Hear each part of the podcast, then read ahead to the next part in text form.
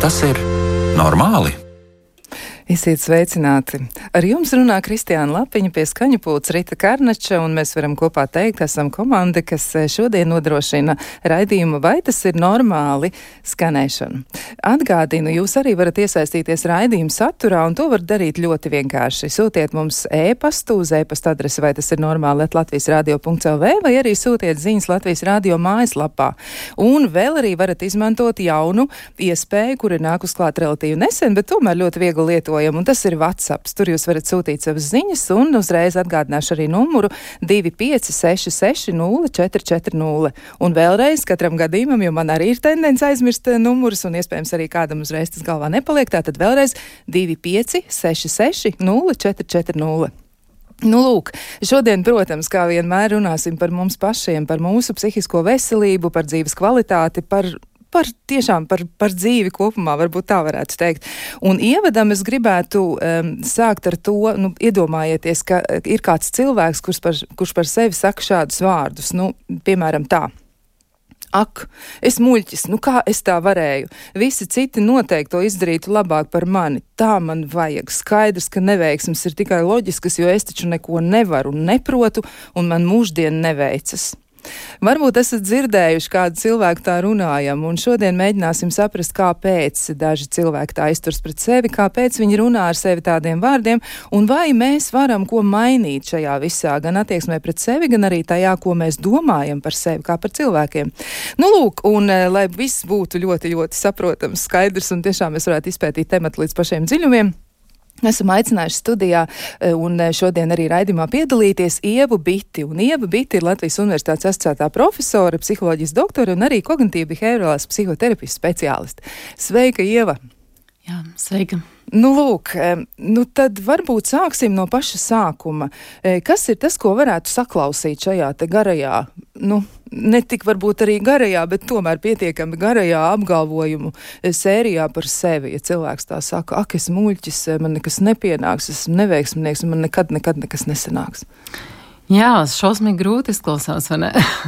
Jā, mēs to saucam kognitīvi behaviorālajā terapijā par automātiskām negatīvām domām, tā kā virkni ar automātiskām negatīvām domām, kuras droši vien rodas jo šim cilvēkam visticamāk ir šīs negatīvās pamatpārliecības, par kurām mēs arī šovakar runāsim, vai ne? Jā, mēs mēģināsim pievērsties vairāk tam, kāpēc cilvēki tik negatīvi domā par sevi un uh, ar ko tad tas viss sākas, kā tas vispār notiek, jo ir tiešām ļoti daudz cilvēki, kas kaut vai braucot mašīnā, izdarot kādu nepareizu manevru, viņu prāt nepareizu vai varbūt neveiklu, viņi ir gatavi sevi tiešām nodēvēt, nu, tādos ļoti skarbos vārdos. Un ļoti daudz ir negatīvu domu viņiem pašiem par sevi. No kurienes tas nāk? Jā, es domāju, tas tiešām nav retums. Šāda veida tādas automātisku un negatīvu domu virknes ir kaut kas, ko, ko reizē mūsu smadzenes ir iemācījušās visu laiku producēt, pateicoties kaut kam, ko mēs visticamāk esam iemācījušies. Un šeit, protams, mūsu šāda veida domāšanas veids visticamāk ir radies kaut kad jau senāk, un, un te mēs varam runāt par, par varbūt būsim atkal banāls, bet par negatīvām bērnības pieredzēm, kuras, nu, kur, kur cilvēks ir, ir, ir um, acīm redzot. Vai nu audzes vidē, kurā viņš ir ļoti daudz kritizēts, vai, vai vidē, kurā ir ļoti, ļoti augstas, augstas prasības un standarti, uh, kuriem ir visu laiku jāatbilst, un, un ja es tam neatbilstu, tad, tad, tad es jūtos kā absolūtākā niecība. Tā kā, nu, es domāju, šis ir, ir, šis ir visbiežākais scenārijs, kur tas viss kaut kādā veidā rodas. Bet par ko tas ir? Tas ir tikai par sevi, vai arī tas ir vēl par kaut ko citu, kas ir nu, ap šo cilvēku, jo viņš jau dzīvo pasaulē, starp citiem cilvēkiem, noteiktā vidē. Nu, jā, ja, tas, ja tu domā par, par to ka mūs ietekmē arī apkārtējā sabiedrība, protams, neapšaubāmi, kā eh, vajadzība pēc uh, salīdzināšanas ar sasniegumiem un, un, un kaut vai iedomā par, par skolas vērtējumiem un, un labām un sliktām atzīmēm un, un nosacīti labiem un sliktiem bērniem. Ja? Tā kā es domāju, tas, tas protams, ir, ir visā sabiedrībā un tāpat arī uh, Arī, arī, ja mēs raugamies uz tādu nu, ļoti izteiktu konkurenci, kas, kas um, ir sabiedrībā ļoti būtiska. Tas, protams, arī var veicināt šīs negatīvās domas un negatīvās pārliecības par sevi cilvēkiem, kuriem uz to ir, ir kaut kāda noslēca.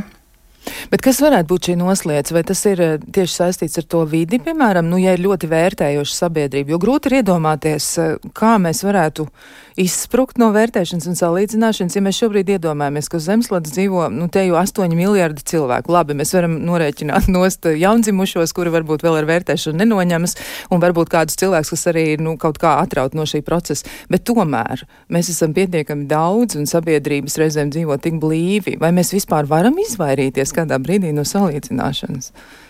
Nē, es, es domāju, mēs nevaram izvairīties pilnībā, bet jautājums ir, vai tā ir vienīgā modalitāte, kurā mēs dzīvojam. Tā kā, ja, ja tā kļūst par galveno, tā kā konkurence un, un šī cīņas dimensija, ja tā kļūst svarīgāka par, par uh, uzticības pilnām attiecībām un, un, un, un to, ka mēs esam cilvēki, kuriem ir tik ļoti nozīmīgi jā, vienkārši būt, būt tuviem vienam ar otru, būt draudzīgās attiecībās, palīdzēt un atbalstīt vienam otram, tad, protams, tas ir nu, šī te tendence tad, uh, vērtēt uh, un salīdzināt ir, ir lielāka. Un es domāju, nu, teiksim, ja mēs skatāmies arī pēc, uh, nu, ja mēs skatāmies pētījumiem, kas ir par, par piemēram, piesaistas drošību bērnībā un, un arī depresijas simptomiem, tad tie parasti ir augstāki tieši tajās sabiedrībās, kur, kur šī nevienlīdzība ir izteiktāka, arī ekonomiskā nevienlīdzība. Un, un valstīs, kurās cilvēku šī ekonomiskā nevienlīdzība ir uh, ir mazāk izteikta, faktiski arī ir nu, daudz vairāk šī bērnu vecāku drošas piesaistes izplatība, arī mazāk mazāk noslēdz uz depresiju, jo nu, tas ir viens no skaidrojumiem. Tā kā šī kritika pēc būtības, varbūt vai sociālā salīdzināšana ir mazāka. Ir tāds izteiciens, ka, ja vecāki ļoti kritiski un nepamatot kritiski izturs pret savu bērnu un dara to bieži, tad bērns nepārstāja mīlēt vecākus, parasti, bet viņš pārstāja mīlēt pats sevi. Nu, tāds diezgan ilustratīvs izteiciens. Varbūt tas nav simtprocentīgi attiecināms uz visām šīm situācijām, bet nu šķiet, ka lielākoties tāds arī ir. Jā, nu, jā, protams, mazs bērns ir pilnībā atkarīgs no vecāka. Kā, protams, viņš līdz ar to šī nepieciešamība būt, būt piesaistītam, un jā, es nezinu, kas ir tas, ko mēs saucam par mīlestību, bet, bet jā, protams, bērns nepārstās mīlēt vecākus, bet, bet ja viņš jūt, ka viņš neatbilst tam, ko tas vecāks no viņa sagaida, tad tas ir tas, ar ko viņš turpina dzīvot.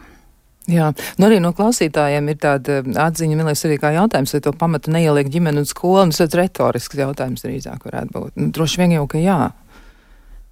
Ģimenei ir, protams, milzīga nozīme, un skolai ir uh, milzīga nozīme, bet, protams, mēs arī nevaram izslēgt vēl vienu faktoru, kas ir mūsu iedzimtais bioloģiskais jūtīgums, kas ir arī bieži saistīts ar dažādiem emocionālo grūtību simptomiem. Ja, ja domā, piemēram, par to pašu jau pieminēto depresiju vai, vai izteiktām trauksmes problēmām vai vai dažādiem citādiem tieši ar mentālo veselību saistītiem jautājumiem, tad, protams, šeit ir arī liela nozīme jā, iedzimtībai un, un, un tam, ja mēs esam ļoti tagad pēc dabas tendēti uz, piemēram, uz trauksmes jūtīgumu, uz to, ka mums ir, mums ir šī te tendence. Uh, uztvert situācijas kā kaut kādā mērā bīstamas, tad, tad, tad arī mums būs tendence vairāk veidot šīs te, šīs te automātiskās negatīvās domas un iespējams, ka mums neraugoties uz to, vai mūsu vide, kurā mēs augam, ir vairāk vai mazāk labvēlīga vai nelabvēlīga,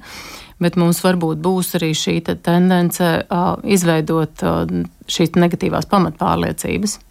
Protams, tur vienmēr ir, ir, ir šī kombinācija iedzimtība plus vide. Uh, Un, bet, jā, bet tas ir būtiski, un, protams, skola ir ļoti būtiska. Mēs arī varam iegūt ļoti daudz traumatiskas pieredzes skolā, ņemot vērā to, ka o, mums visiem kaut kas labāk veicas un kaut kas sliktāk veicas. Un, un tad, ja mums visiem ir jābūt ļoti veiksmīgiem visur, tad uh, agri vai vēl mēs, protams, um, nu, zināmā mērā, lietojot žargonu, aplausīsimies un saskarsimies ar to, ka kaut kur mums tik labi neveicās. Un, ja, mums, ja mūs par to kritizē vai vēl ļaunāk apsmēja vai ņirgājas par to, tad, protams, ka, protams, ka mūsu pārliecība par sevi ļoti strauji kritīsies. Jā, varētu tā domāt, ka cilvēkiem pēc tam, tad, kad viņi pieaug, varētu būt pietiekami daudz resursu, lai viņi tā nejustos kā skolā, bet tomēr pietiekami daudz arī pieauguši cilvēki atsauc uz skolas pieredzi un saka, nu man tur gāja slikti, man darīja pāri, man iespiedu tur tolets stūrī vai mani apsaukāja vai pret mani izturējās kā pret spitālīgo un es to atceros joprojām. Tad cik ļoti šī pieredze var ietekmēt cilvēku vēlākajā dzīvē un mēs varbūt varam mēģināt arī papētīt mazliet, ko tieši nezinu, attiecības, darbu? Ļoti, ļoti lielā mērā, jo, protams, pati agrīnākā pieredze ar vecākiem ir, ir absolūtākais pamats. Tas, cik lielā mērā mēs jūtamies droši un mīlestības vērti attiecībās ar vecākiem, protams, ir, ir, ir, ir tas, kas mūs veido šīs mūsu pozitīvās pārliecības par sevi. Bet tad mēs aizjām uz skolu vai arī uz bērnu un, un, un pavadām tur ļoti daudz laika. Un, un, un faktiski tikai pēdējos gados ir, ir, ir ļoti plaši un, un skaidri ir pierādīts, un par to arī daudz runā, cik ļoti lielā mērā um, dažāda veida vardarbības pieredze skolā, tas pats bulings vai vienaudžu ņirgāšanās, ir patiešām ārkārtīgi traumatiska pieredze, kas cilvēkam ļoti lielā mērā var arī um, radīt sek, paliekošas sekas uz visu dzīvi. Līdz ar to mēs arī patiešām šobrīd gribam cīnīties ar to. Jā, tā ir. Tiešām varētu domāt, ka, nu kā, pieaudzis cilvēks, viņam ir 40 gadu, piemēram, vai vairāk, un viņš joprojām saka, jā, es kaut kādās situācijās nejūtos pietiekami droši. Tad kas eh, notiek tad, kad cilvēks, piemēram, pieķer sevi pie tā, ka, rekur, ir tas mirklis, man jākāp uz skatuves, un es atkal jūtos kā pirmajā klasē. Kas notiek ar viņu? Kā tas nāks, kā, kā var nokļūt šādā situācijā? Nu jā, tā, tas, tā tēma, par ko tu man aicināji runāt, bija par šīm pamatpārliecībām. Un tad, ja mēs pieņemam, ka, viņš, ka, ka šis, šis ir cilvēks, kurš ir, pieņemsim, varbūt viņš ir bioloģiski drusku jūtīgāks uz trauksmi, viņš ir audzis ģimenē, kur um, ir ļoti svarīgi sasniegumi, un viņam ir vienmēr jābūt, viņš ir vienmēr varbūt jūties mazliet. Um, netik labs kā viņa brāļi vai māsas, pieņemsim, vai ka viņam ar viņiem ir jācen, jāsacenšas, un, un tad viņš aiziet uz skolu, un tad viņam ir skolotāja, kura, kura um, arī viņu kritizē par to, kas viņam neizdodas. Un tad tā, tas bija tā, kā viņš jutās pirmā klasē, un, un protams, mūsu, mūsu smadzenes, um, mūsu psihe uh, šīs pieredzes um, saglabā, pat ja tās ir ļoti senas, un tieši šīm senajām pieredzēm ir arī vislielākā ietekme. Uh, Un, un, tad, un tad, jā, un tad kaut kādā ziņā, tad, ja man ir šī pamatpārliecība, ka es neesmu pietiekami, pieņemsim, gudrs vai gudra, vai, vai, vai, vai jā, citi ir kritizējoši un vērtējoši, tad, protams, es uzkāpšu uz tās skatuves. Es nezinu, ko es tur darīšu, bet, lai ko es tur arī nedarītu, tad es droši vien domāšu, pirmkārt, visu laiku vērtēšu un domāšu par to, ka man noteikti nav nekas prātīgs, ko pateikt, un otrām kārtām meklēšu visur, um, visos citos cilvēkos visādus noraidījumu signālus Un, un lai ko arī citi ne, neparādītu, kamēr es esmu tās skatus, es pievērsīšu uzmanību tikai tam, kas apstiprina šo manu pamatu pārliecību, ka droši vien es neesmu pietiekami gudrs vai ka man neizdosies.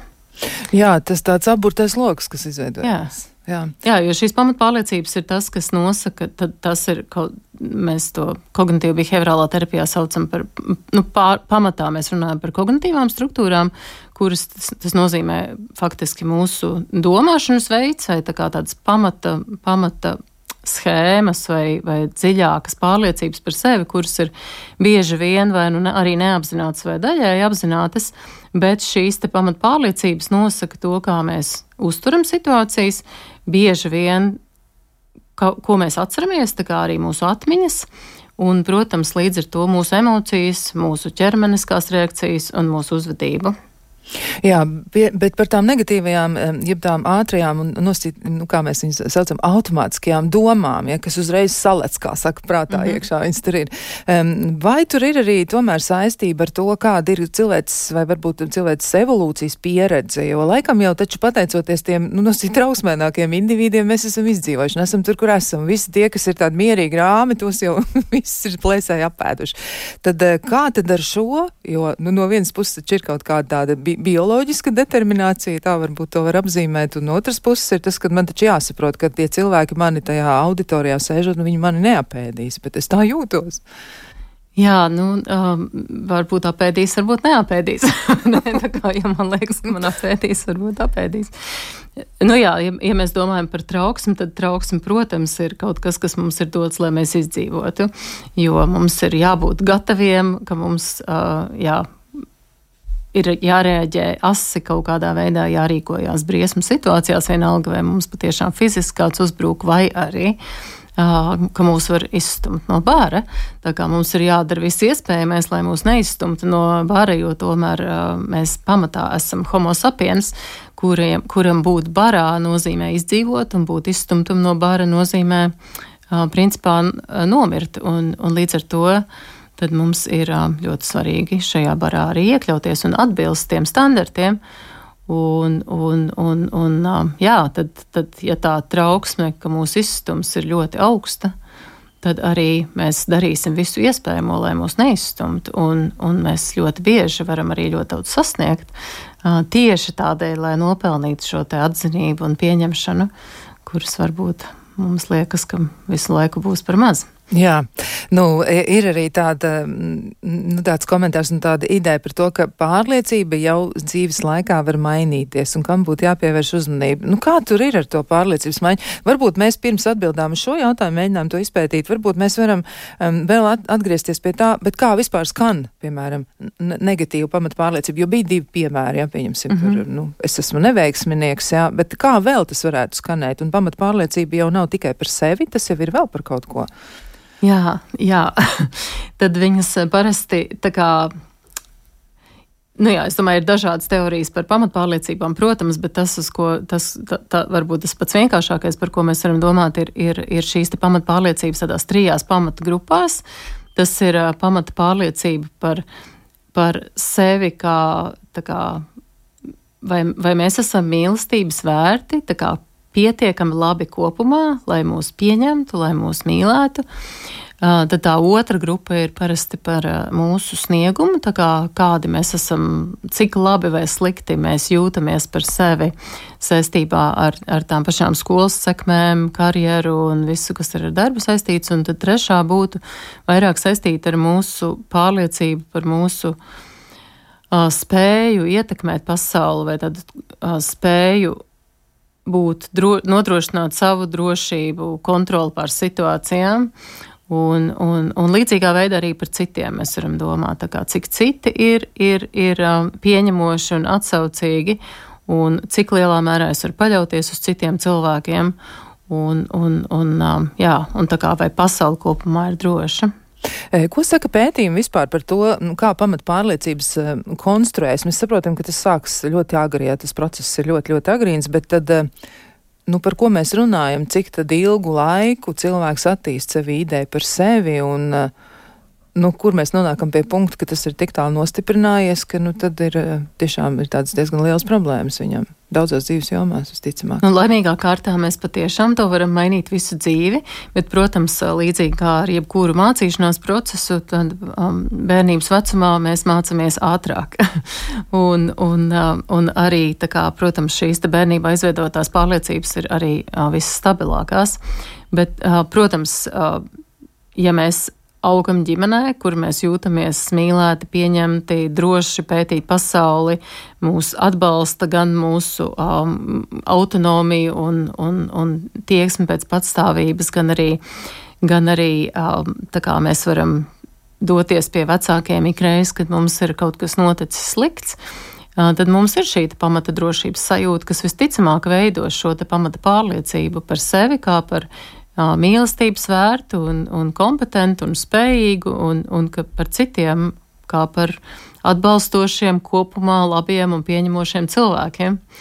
Un tad, protams, mums ir jāskatās tālāk dzīves gaitā, kāda ir mūsu šī pieredze tālāk arī ar citiem cilvēkiem, kuri ir mūsu autoritātes bērnībā, nu, piemēram, skolotāji.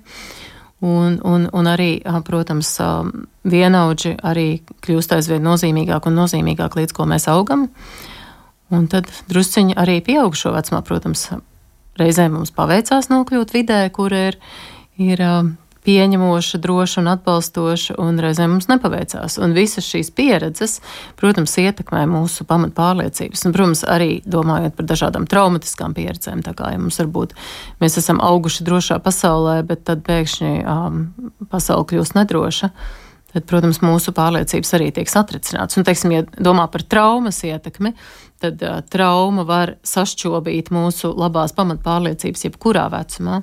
Bet tieši tāpat, jebkurā vecumā mēs varam piedzīvot drošas, labas, uzticamas attiecības, kuras savukārt var šīs mūsu iespējams negatīvās pārliecības um, padarīt pozitīvākas. Jā, nu tas tāds diezgan sarežģīts jautājums. Reizēm arī nu, tā var būt. Cilvēks, piemēram, visu dzīvi, nu cik visu dzīvi, pieņemsim, līdz 35 gadu vecumam dzīvo relatīvi laimīgi, viņam ir labas domas par sevi, un tad, piemēram, viņš brauc ar auto un kāds ietriecis viņa mašīnā. Nav fatālu seku, bet uh, viņš sāk pēc tam domāt par to, ka viņš ir slikts autobraucējs, un viņš attīst šo domu līdz tam, ka viņš vispār ir slikts cilvēks. Es ceru, ka nē. nu, pieņemsim, sabiezinot es, krāsas. Es domāju, ka jā, šīs krāsas droši vien būs ļoti sabiezināts, ja viņam kopumā ir laba, laba um, stabila pamatpārliecība par sevi. Tā kā iespējams, ka uh, šī te pieredze šī auto avārija, ja viņam ir ģenētiska predispozīcija uz pēctraumas stresa traucējumiem, tad varbūt viņam var um, attīstīties pēctraumas stresa traucējumi, bet, bet es pieņemu, ka viņ, ar, ar šo viņš varbūt ar. 3-4 mēnešu psihoterapijas kursa palīdzību var tikt galā, un ka tas nesagrauj tik ļoti dziļi viņa pamatpārliecības par sevi. Um, bet, bet, protams, ja ļoti krāsa sabiezina, var jau būt, viss kaut kas var būt, bet es domāju, tad tas, no, tad tas visticamāk kaut kādā veidā arī um, uzjundīja uz augšu kaut kādas citas negatīvas pieredzes, un, un tādēļ, tas, tā, tādēļ šī trauma viņam, viņam rada liels grūtības. Jā, tā ir, un arī klausītāji apstiprina uh, ar savu komentāru. Viens no klausītājiem nu, tieši būtībā to arī vēlreiz pasaka, ja viņš raksta tā, jūs te gudri runājat, bet kā lai jūtas cilvēks, kuram telefona krāpnieki izvīluši naudu. Skaidrs, ka viņi jau saukā par muļķiem, stulbiņiem un neveiksminiekiem, jo neviens jau cits muļķības izdarījis nav. Un nonākot dziļā depresijā, cilvēkam ir smagi pārdzīvojumi. Tad, uh, Kā šis uh, saistās savstarpēji, jo tiešām tā varētu būt, ja cilvēkam ir tā depresija, ir nomāktība, ir ārkārtīgi grūti un tiešām mm, nav, nav katru dienu pat reizēm ir ļoti grūti piedzīvot, lai izdarītu kaut vismaz kaut ko, uh, tad kas to varētu vēl pastiprināt un kā šī savstarpējā saistība šeit parādās, jo cilvēks varētu būt vēl kritiskāks nekā citos apstākļos, piemēram, ja fonā ir depresija un tur klausītājiem ir pilnīgi taisnība. Jā, Protams, es domāju, ja, ja mūs, ja mūs apkrāpj, tad līdz zināmai robežai, protams, tas ir vienkārši pilnīgi normāli, ka mēs jūtamies drusciņi kā, kā idioti, kāpēc mēs nonācām šādā situācijā. Jautājums līdz, līdz kādai pakāpei tas ir. Un, un varbūt mēs kaut kādā brīdī varam sākt vienkārši absolūti pamatoti dusmoties uz šiem krāpniekiem un risināt to um, savādāk, risināt to domājot par veidiem, kā mēs varam cīnīties ar to, lai šie krāpnieki neturpinātu darboties un, un nedarītu pāri mums atkal, atkal um, un arī citiem cilvēkiem nedarīt pāri. Bet, protams, ja fonā ir depresija, tā kā tu saki, Un, diemžēl depresija pēc būtības ir kaut kas, kas saistās ar ļoti daudz automātiskām negatīvām domām, un tā ir tā klasiskā depresijas triāde, kā to arī formulēja kognitīva behaviorālās terapijas pamatlicējs Ārons Beks, jā, tā kā negatīvas domas par, par, par, par sevi un citiem un, un nākotni. Un, un, un šajā gadījumā visticamāk tās negatīvās domas jau ir bijušas pirms tam. Un tad, protams, šāda veida notikums atkal mūs ieved tajā aburtajā lokā. Es jau tāpat domāju negatīvi par sevi, un tad notiek vēl kaut kas tāds, un tas tad it kā, it kā apstiprina šīs negatīvās domas par sevi. Bet, protams, mums būtu ļoti, ļoti vērts uz tām domām arī lūkoties kā uz domām, nu, kas nozīmē to, ka domas ir tikai domas, ka mēs, mēs nepataisam šīs domas par kaut ko lielāku nekā tikai domas, mēs, mēs vienkārši paliekam pie tā, ka tās ir tikai domas, un, un, un domas nav fakti. Un mums nav viņām obligāti jātic. Un reizēm ir um, daudz labāk, pēc iespējas mazāk ticēt domām, ja viņas mūs um, dzēna depresijā. Jā, man liekas, ir arī tāds mazliet vieglāks piemērs, ja šis varētu palīdzēt sēžot vilcienā, kad mēs noķeram kādu cilvēku skatienu, kurš atkal un atkal paskatās uz mums, vai šis cilvēks, un mēs sākam domāt, kas diez notiek, vai man kas matos ieķēries, vai varbūt man kaut kas pieķēries pie deguna, vai varbūt kaut kas uz sejas. Nu, te varētu palīdzēt fakti, jā, ka domas ir tikai domas. Jā, un arī, un arī pat, ja mums ir šī doma, nu labi, mums ir kaut kas pieķēries pie deguna, nu un tā kā pat ja tā būtu taisnība, tad tas, kas, kas tur ir tik briesmīgs? Kā, ja, jo jo tas, tās automātiskās negatīvās domas un šīs negatīvās pamatpārliecības droši vien saka, ja, ja man ir kaut kas pieķēries pie matiem vai pie deguna, tad es tā nedrīkst izskatīties. Tas noteikti nozīmē, ka es neesmu pietiekami kārtīgs un labs cilvēks, kurš nedrīkst, iet, um, nedrīkst braukt vilcienā. Un, um, jā, tad mēs varam mazliet viņus apšaubīt. Un, un mēģināt saprast, vai patiešām tas atbilst faktiem. Jā, tas varētu palīdzēt, bet to izdarīt nav nemaz tik vienkārši piecās minūtēs. Droši vien neizdosies, bet nu, tomēr var mēģināt.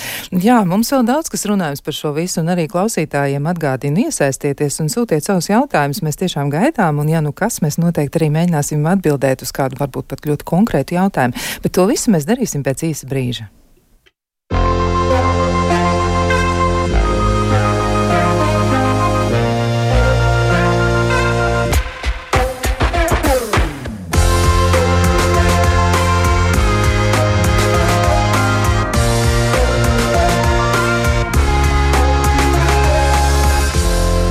Vai tas ir normāli? Šodien mēs runājam par pamatpārliecībām. Nu, vairāk, protams, fokusējoties uz negatīvajām pamatpārliecībām, jo izskatās, ka tās patiesi reizēm cilvēka dzīvi var padarīt ļoti, ļoti grūtu. Un jāizdomā arī, ko tad ar to darīt. Un gribu atgādināt, neaizmirstiet, e-pasta adrese ir, vai tas ir normāli, Latvijas radio.lv, arī ziņojuma loks Latvijas radio viens mājaslapā un WhatsApp numurs 2566 0440 2566 0440. Tur mēs arī gaidām gaidām kādu ziņu no jums, un, eh, ja ir kas sakāms un gribat kaut kā vēl arī papildināt raidījumu tematu no savas puses eh, vai kaut ko teikt, droši dariet to. Bet, eh, nu, šis ir tas mirklis, kad es varu uzdot jautājumu studijas viesim. Thank you. Nu, lūk, es mēģināšu jautājumu noformulēt tā, ja mēs iedomātos, ka visa pasaule būtu kā persona, nu, kaut arī mēs apzināmies tiešām iedzīvotājs skaits milzīgs, ir ļoti, ļoti daudz dažādas eh, kultūras, ir milzīgas atšķirības, bet tomēr, ja tas būtu tāds viens liels organisms, nu, kā mēs varētu domāt par to, kādai būtu jābūt pamata pārliecībai par sevi, par citiem, par, arī par pasauli kopumā, lai mēs sevi izglābtu no nu, tālākas iznīcības, jo šķiet, ka cilvēks nu, diezgan neapdomīgi iztur izturs pat pret sevi, tad kas ir tas, ko varētu ieteikt? Nu, tā vairāk filozofiski, bet tomēr.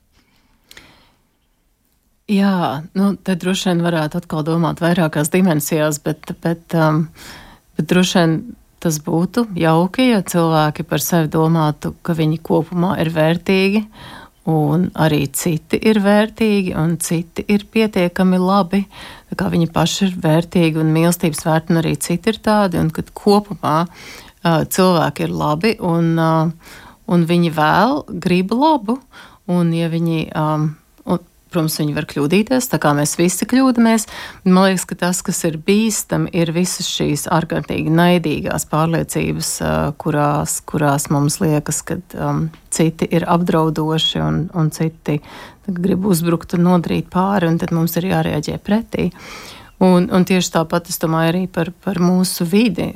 Ja mūsu pārliecība, kopējā pārliecība būtu, ka tā ir vērtīga un ka tā ir.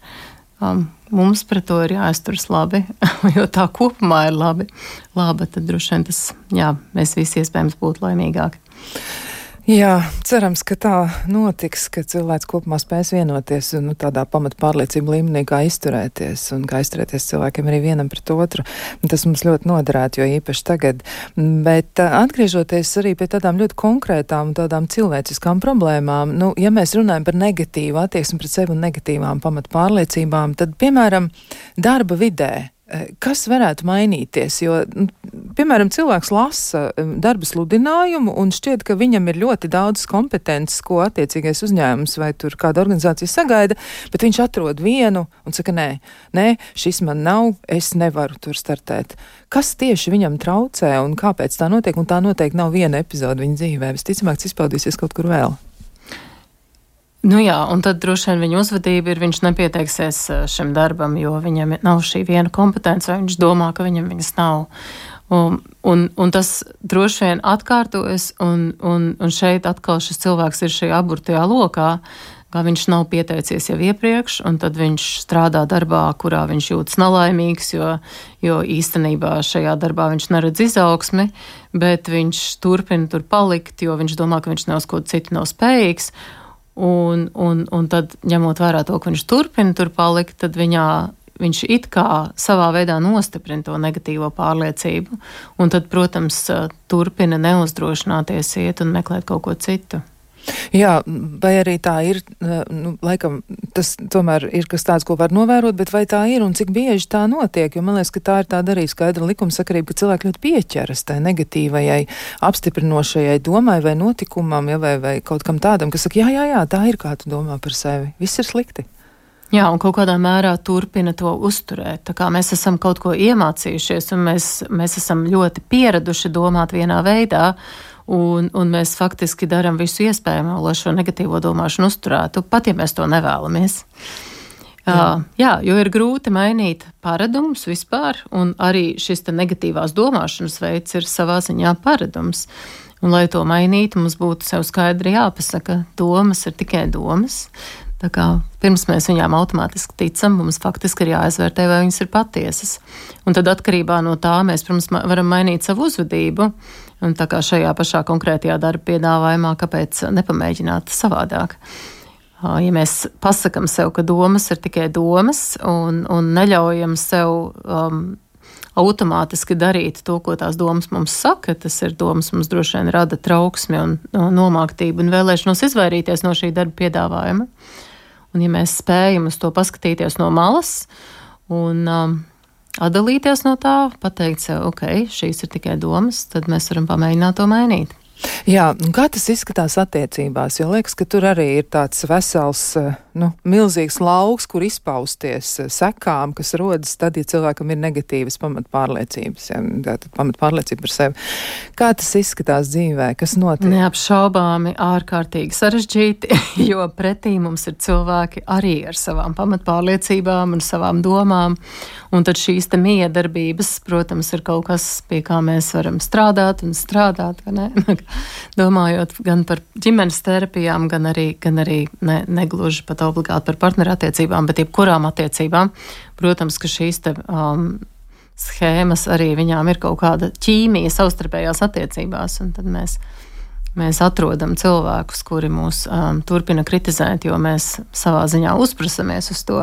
nu, bet mēs neko citu nezinām. Mēs pazīstam, kā tas ir. Mēs zinām, kā ar šo operēt. Ja mani kritizē, man dara pāri, Jā. es kaut kur slēpjos, izvairos, un es atrodu tieši tādu pašu cilvēku. Jā, tā kā piemēram, man ir, man ir doma, ka man ir visu laiku, uh, es esmu pēc būtības nevērtīgs, un, tādēļ, un, un, un man ir jāmēģina pēc iespējas tas noslēpt un jādara viss, lai citiem izpatiktu tad mēs droši vien arī um, vairāk esam kopā ar cilvēkiem, kuri, kuri varbūt būs vairāk dominējoši, varbūt arī kritizējoši, tad mēs darīsim visu iespējamo, lai viņi mūs nekritizētu. Un, un, un droši vien cietīsim no depresijas. Tā kā jā, tas, kas notiek attiecību miedarbībā, ir, protams, ļoti, ļoti sarežģīti.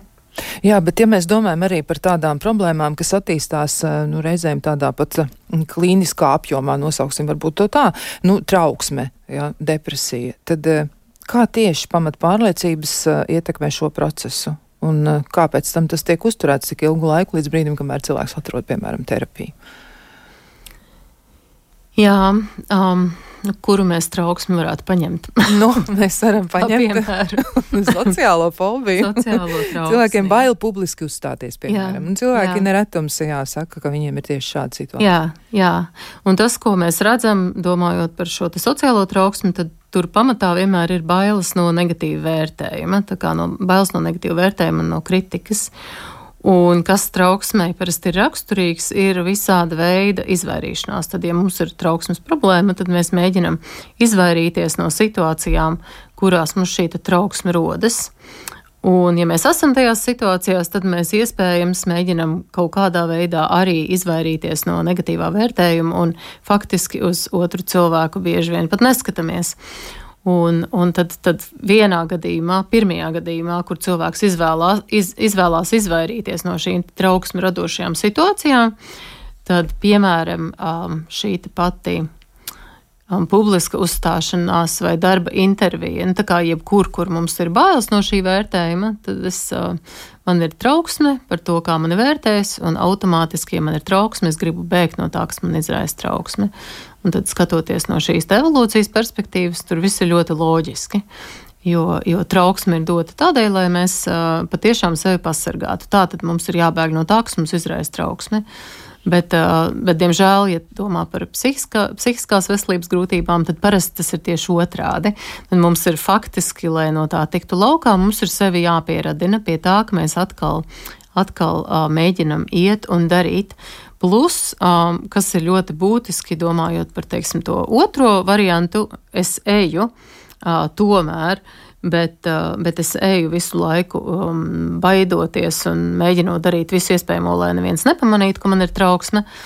Um, ļoti bieži cilvēki ir trauksme, it kā, kā viņi iet un dara kaut ko, bet tad viņi visu laiku automātiski vēro sevi. Viņi vēro sevi, kā viņi runā, ko viņi saka, vai viņi dara pareizi. Un, un ļoti bieži izvairās, piemēram, no, no skatīšanās uz otru cilvēku vai no, vai no um, tā, kā, tā, lai viņiem uzdod jautājumus, vai otrādi. Tā kā daudz, daudz tādu izvairīšanās darbību. Un, un, un, un tas, ko viņi piedzīvo, arī ka viņi faktiski uh, neiegūst, izvairoties tādu normālu atgriezenisko saiti no tiem cilvēkiem. Tā kā, ja es tagad runāju ar tevi šajā studijā, un man ir šausmīga trauksme no, par to, ko tu domā par mani, tad es varbūt uh, neskatīšos uz tevi. Un, ja es uz tevi neskatīšos, tad es neredzēšu, ka patiesībā tavs ejas izteiksme ir ļoti draudzīga, tu smaidi, tu māji ar galvu. Un es uh, to redzu šobrīd, un, un, un es saņemu šo normālu atgriezenisko saiti, kas manu trauksmi faktiski samazina. Bet, ja es uh, tikai uh, blenžu uh, šajā mikrofonā vai šajā galda sedziņā, ja, tad, tad es to visu neredzu, un tas faktiski man trauksmi turpina uzturēt. Tā kā tas ir, šis ir tas algoritms, izvairīšanās uzvedība vienmēr turpina uzturēt uh, šos trauksmes simptomus, un turpina nostiprināt šo iegūto pamatpārliecību. Nu, visticamāk, viņi ir iegūti bērnībā, un viņi visu laiku, mēs gadiem turpinam dzīvot šajā pašā burtajā lokā un visu laiku turpinam šo uzturēt. Jā, bet eh, ja vēl mēs pieliekam klāt kaut kādas pāris daļas pie šī, tā tad, eh, piemēram, cilvēkam ir negatīva pamata pārliecība par sevi, par citiem cilvēkiem, par to, kā ir veidot pasauli un kā viņi reaģē uz viņu, viņam ir viss par sevi skaidrs un par visiem citiem viss ir slikti tātad, ja. Un uh, viņš tā turpina, kā tad viņam no tā izkļūt, ko viņam iedarbināt, kādu uh, mehānismu attīstīt vai palaist beidzot, lai tas tomēr mitētos, lai viņš spētu arī nobalansēt starp to, ka viņš var atrast savā sacerējumā vai nodot tajā darbā kādu kļūdu, jau nepielikt to punktu vai pamanīt, ja tur, nezinu, matemātiskajā vienādojumā kaut kas nav precīzi, un vienlaikus arī, lai viņš, nu, neiekristu tajā galējībā, ka viņš izlēma, ka ja šī viena kļūda tur ir, tad viss absolūti nav pareizi, es esmu nelāks cilvēks, slikts, nav, nav man izredžu, ja, kā viņam atbalstīt sevi? Nu, ko tad, ko tad viņam darīt? Kā mācīties viņam izkļūt no šīm te mm, situācijām, kur pārliecības viņu burtiski noķer? Jā, un, un šeit tas pirmais būtu uh, attīstīt tādu veselīgu uh, pašnovērošanu, mēģināt uh, paraudzīties uz, uz šīm savām negatīvajām domām un visiem tiem emociju modeļiem drusciņi no malas. Bet šeit atkal ir ļoti svarīgi jā, nejaukt to, ko mēs saucam par tādu um, domu malšanu, kur cilvēkam ir, ir tāda, nu, arī es domāju, cilvēki bieži to jauc ar, ar, ar tādu veselīgu pašrefleksiju, ir tieši šo neveselīgo. Tā kā es turpinu malt, okay, ko tad es darīšu tajā situācijā, ko es darīju nepareizi, ko man vajadzēja darīt savādāk. Un šī faktiski būtu tāda doma malšana, kura nepalīdz, bet tā spēja uh, veselīgi reflektēt ir vienkārši apzināties to, apzināties savas domas un apzināties savas emocijas, un atkal dažādu veidu, dažādu virzienu psiholoģijas um, teorijās un, un arī praktiskās metodēs, tur ir dažādi jēdzieni, kas to apzīmē. Tad dažās pieejās runā par apziņotību, dažās runā par tādu sarežģītu vārdu kā mentalizācija. Ja? Tā kā jebkurā gadījumā tā ideja ir, ka mēs drusciņi spējam paskatīties no tādas kameras perspektīvas, ja mēs dažreiz to salīdzinām ar um, mušas no sienas perspektīvu, ja, kur mēs varam redzēt, paskatīties no malas un, un saprast, ka okay, šīs ir manas domas, šīs ir manas emocijas, kā, cik lielā mērā man vajag rīkoties atbilstoši tam, ko tās domas un emocijas man saka. Jā, Varētu mēģināt iztēloties, ka muša sēž uz sienas un skatās un Jā, klausās. Un mušai pilnīgi noteikti ir vienalga. mušai ir pilnīgi vienalga. Kā es izskatos, Jā. kas man ir uz deguna vai, vai kas man ir uz matiem. Tas ir pilnīgi noteikti vienalga. jā, e, nu, klausītāji atzīst, ka tie ir ārkārtīgi sarežģīti jautājumi, jā, un arī, nu, tāds jautājums ir par to, kā vērtēt savu paškritiku, jā, kur tad, kā saprast, kur es esmu ar to, vai es tiešām sevi nepārtraukt zākāju, vai arī es sev dodu iespēju attīstīties, jo ir taču atšķirība, kā mēs m, cilvēkam piedāvājam raudzīties uz to, kas ir noticis. Ja viņš ir nokritis, tad mēs varam teikt, nē, nē, nē, ej pa to ceļu, bet mēs varam teikt, nu, nekas, nu, mazliet atpūties un ej, pamēģini, varbūt tev izdosies. Jā, un tas ir atkarīgs no šī ceļa bīstamības. Un, un te ir tas, tas, ko tu jau arī minēji pirms tam. Mums ir jā, jāpalūkojas uz faktiem, cik lielā mērā fakti liecina par to, ka patiešām šis ceļš ir bīstams. Bet, bet atkal ir, ir jā, jāskatās, lai atkal mēs neiegrimstam šajā te kaut kādā domu purvā. Jo domājot par depresiju, kur šī automātiskā negatīvo domu virkne ir vienkārši tāds nebeidzams process, kurā cilvēks ir, un šīs domas vienmēr rada uh, pasivitāti un izvairīgu uzvedību. Un tad cilvēkam liekas ļoti bieži, kā viņš turpina malt šīs domas, un viņam liekas, ka, ka viņš patiešām um, Tā kā viņš neko nav izdarījis, viņš neko nav sasniedzis, tā tad viņš patiešām ir neveiksminieks. Bet faktiski tas, ka viņš nav darījis un varbūt nav sasniedzis, jau ir tas aburtā loka rezultāts. Un, un šo sardzēt no malas un uzdrošināties darīt faktiski kaut ko pilnīgi pretēju, nekā, nekā, nekā šīs domas vai emocijas liekums darīt, tā būtu izēja. Jā, nu, droši vien saviem spēkiem to varētu arī reizēm būt, nu, es pat uzdrošinos domāt, neiespējami izdarīt, tad būtu jāmeklē kāds, kas eh, atbalsta šajā ceļā. Nu, jā, vēl arī klausītāji saka, vecāki un draugi ir tas drošais patvērums, kas dod stabilitāti un pārliecību, un tāda ir mana dzīves pieredze, raksta klausītāji. E, jā, bet varbūt arī var palīdzēt tāda doma par to, nu, arī doma, jā, bet e, iztēlošanās mušu uz sienas, tas ir viens variants, bet varbūt mēs varam arī, nu, vērsties pie sevis kā pie sava labākā drauga. Jā, jā, jā, tā ir tehnika, ko mēs izmantojam. ko tu teiktu savai draudzenei, ja viņa teiktu kaut ko tādu par sevi? Jā. Un, un tad parasti savai draudzenei mēs nesakām to, ko mēs sakam sev. Jā, šis būtiski atšķiras. Jā, Absolūti. Un, un man jā, liekas, ka reizēm jā. arī draugi ir tie, kas, kas var eh, palīdzēt eh, saprast, kas patiesībā notiek. Jā, jo cilvēki ļoti ātri nonāk pie emocijām. Patiesībā viņi visu laiku ir emocijās, mēs jau tā arī dzīvojam. Jā, pilnīgi noteikti. Uh, sociālais atbalsts ir, ir aizsarga faktors pret visa veida uh, psihiskās veselības uh, traucējumiem. Tā kā iedomā ja gan par trauksmu, gan depresiju, gan vispārējo um, draugi, labi un, un, un radinieki ir absolūti lieliskākais, kas var būt. Bet tad vēl viena ideja, kas, kas man arī tagad ienāca prātā, ko mēs nepieminējām, ir arī tas, kā mēs tīri ķermeniski to bieži vien piedzīvojam. Ja mēs esam šajā negatīvo domu virpulī, tad parasti mēs esam uh, drusciņi sakņu puši, nomākti, mēs nekustamies, mēs vienkārši paliekam uz vietas un esam paralizēti, vai arī nu, tieši otrādi mēs šausmīgi nervozi kustamies. Un, Un, un, un tā trauksme, viņa, vienalga, jebkuras, jebkuras emocijas, ko mēs piedzīvojam, viņas, mēs viņas piedzīvojam arī ķermeniski. Un tad uh, mēģināt novērot to, ko mēs uh, sajūtam ķermenī, kāda ir mūsu ķermeņa poza, kāda ir mūsu sejas izteiksme, uh, kā, kāds ir. Kā, kāda ir kaut vai cik saspringti ir mūsu muskuļi, mēs varam šo visu arī mainīt. Mēs varam uh, mainīt sejas izteiksmi, iztaisnoties, atslābināties un, un, un ietekmēt savu emocionālo stāvokli un arī domāšanas veidu, arī tīri ķermeniski. Vai jā, tas, ko mums iesaka parasti ārsti, iet staigāt, nostaigāt savus septiņus tūkstošus dienā, un tas, protams, uzlabos arī mūsu emocionālo stāvokli. Jā, bet nu, tas tāds arī diezgan iederīgs jautājums, ko bieži vien uzdod tieši depresijas pacienti. Viņi tā arī saka, bet kā tad, lai es tieku pie tiem septiņiem tūkstošiem, es jau nevaru sevi no gultas dabūt ārā. Tas jā, ir grūti. Jā, tas ir. Un tad, tad, tad tas ir jādara ļoti pakāpeniski. Kā mazliet pakāpeniski izkāpjot ārā no, no tā, kas man šī brīdī liekas kā komforta zona. Un tad lēniņām to palielināt. Bet, bet patiešām parasti to nevar izdarīt viens. Tur vajag cilvēks, kas palīdz izvilkt. Jā, tā ir. Varbūt arī vēl var minēt kādu nu, kādu uzmundrinošu piemēru, kā varētu strādāt tas, ka cilvēki tomēr atsaucas paši uz saviem sasniegumiem un iemācās novērtēt lietas. Jo mēs citreiz, man liekas, tiešām tiecamies, jo īpaši rietam sabiedrībā mēs tiecamies pēc milzīgiem sasniegumiem. Mums ir, ja kalns, tad Everests, ja, ja, ja ūdens, nu tad klusais okeāns, nu apmēram tā.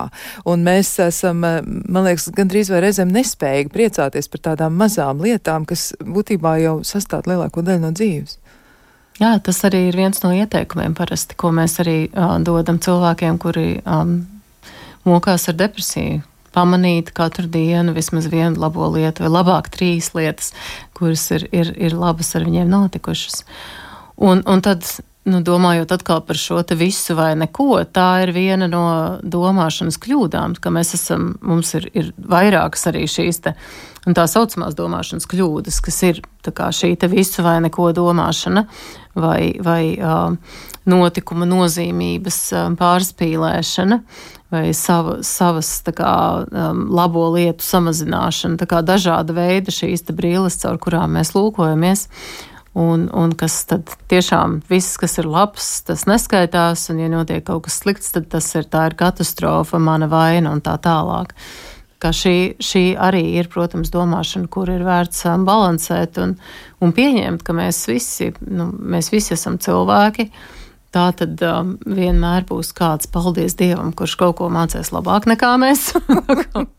mēs visi kļūdāmies. Un, um, un šis vienkārši ir, ir, ir kaut kas, kas ir pilnīgi normāli.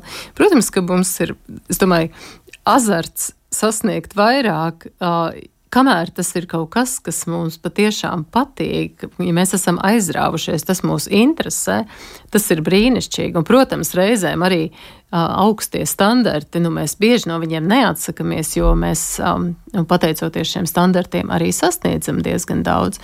Bet ļoti bieži tas ir uz kaut kā cita ļoti būtiska rēķina. Un tad mums ir jāskatās, kādi ir iegūmi un zaudējumi, vai mums ir vērts vienmēr pēc viņiem dzīties, vai tomēr kaut kas cits ir nozīmīgāks. Jo um, nu, es, es domāju, domājot par tām pašām draudzībām, uh, cilvēki, kuri ir um, super, um, super ģeniāli, um, super milzīgiem panākumiem, un pat reizēm, jā, pat vienkārši pārāk gudri cilvēki, īstenībā nav tie cilvēki, kuri visvairāk patīk citiem. vienkāršība ļoti bieži ir tas, kas piesaista, ja cilvēks ir atvērts un draudzīgs un pozitīvs. Un arī labi noskaņots pret citiem ir, ir, ir daudz svarīgāks bieži vien par lieliem sasniegumiem, jo lieli sasniegumi citiem liek justies nevērtīgiem. Un, un tad mēs arī varam pazaudēt draugus. Jā, jā nu tāda pārgudra persona krīt uz nerviem un kaitina ja, reizēm. Tā tas ir. Bet no otras puses, tas cilvēks, atkal, kurš ir ar zināšanām apgādājies, viņš vienkārši varbūt grib dalīties. Viņam nav pat domas par to, ka viņš tik ļoti nodara neviļus pāri. Jā, neapšaubām. Es domāju, tas, tas stāsts ir par to, nu, cik lielā mērā tā kā mums obligāti vajag parādīt, ka mēs parādīt visiem citiem, ka mēs esam, ka mums, nu, ka mēs noteikti katru gadu uzkāpjam Everestā. Nu, ja mums tas patīk un tā ir mūsu lielā dzīves aizraušanās, tas ir cits stāsts. Tā kā nevis tā kā darīt kaut ko patiešām vienkārši, lai, lai maksimāli sasniegtu un, un tā būtu vienīgā vērtība. Jā, nu mūsu saruna ir praktiski noslēgusies, bet varbūt tāds ieteikums vēl klausītājiem, nu kā viņiem mēģināt sākt darboties ar savām pamat pārliecībām, no kurām man ir drūms aizdoms, tiešām daļai varētu viņas izrādīties negatīvas, bet labā ziņa ir tā, ka tās ir maināmas. Jā, jā. Um, varbūt viņas pārskatīt un nevienmēr viņām ticēt. Dažreiz pat viena no tādām tehnikām, kas man ļoti patīk, ir ko es arī piedāvāju reizēm klientiem, ir, piemēram, mēs varam izdziedāt savas negatīvās domas, vai kaut kādā veidā iz, izķēmot vai klaunot, um, lai, lai, viņām, lai vienkārši viņas padarītu netik nopietnas, un līdz ar to arī neticētu viņām. Kā es esmu muļķis, es esmu pilnīgs stulbenīs, es esmu idiots. Skan tik skaisti, vai ne? Jā, un, un tajā brīdī. Īpaši, jo mēs neprotam dziedāt. arī, arī tas, bet, nu, atzīt, ka mēs varbūt lāk neprotam dziedāt, vai arī neprotam ko citu, man liekas, tas iedaras tieši pārmaiņu procesā, jo mēs drīkstam kļūdīties, un arī šī ir viena laba lieta, ko iemācīties par sevi. Es drīkstu kļūdīties, es drīkst nebūt ideāls. Varbūt šo mēs arī varam novēlēt klausītājiem. Netiecieties pēc tā, lai jūs būtu ideāli. Vienkārši mēģiniet dzīvot savu dzīvi un mēģiniet iemācīties par to priecāties. Arī mazās lietas ir lieliskas. Jā, paldies, milzīgs liels paldies Ievai Bitei, kura bija ar mums šajā sarunā. Un, nu, droši vien mēs tiekamies atkal nākamreiz ar klausītājiem. Un mēs savukārt no savas puses, es, Kristiāna Lapīna, arī Rīta Karneča, sakām jums paldies par klātbūtni un tad tiekamies arī kādu citu reizi. Atā! Visu.